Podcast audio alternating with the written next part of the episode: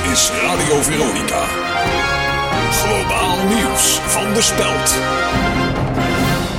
Goedemorgen, ik ben Jurjen Govers. Badr Hari heeft in een interview weinig medeleven getoond aan alle slachtoffers van treinvertragingen. De kickbokser zegt dat hij wel kan doen of hij een treinvertraging heeft meegemaakt, maar dat dat niet zo is. Nee, maar het zou schijnheilig zijn als ik hier nu zat en ik zeg ja, ik weet wat ze voelen. Kijk, ik weet dat heel Nederland zit te wachten op die teksten dat ik die vandaag eruit gooi.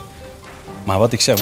KRO NCRV komt vanaf 1 januari 2015 met een dagelijks programma dat met Eva Jinek te maken heeft. In Iets met Eva Jinek zal elke dag iets centraal staan.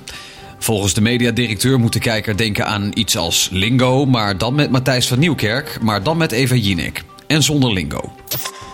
Hanko Kuipers heeft vannacht voor een daverende stunt in de slaapkamer gezorgd door 38 centimeter deken te winnen op zijn vrouw Linda.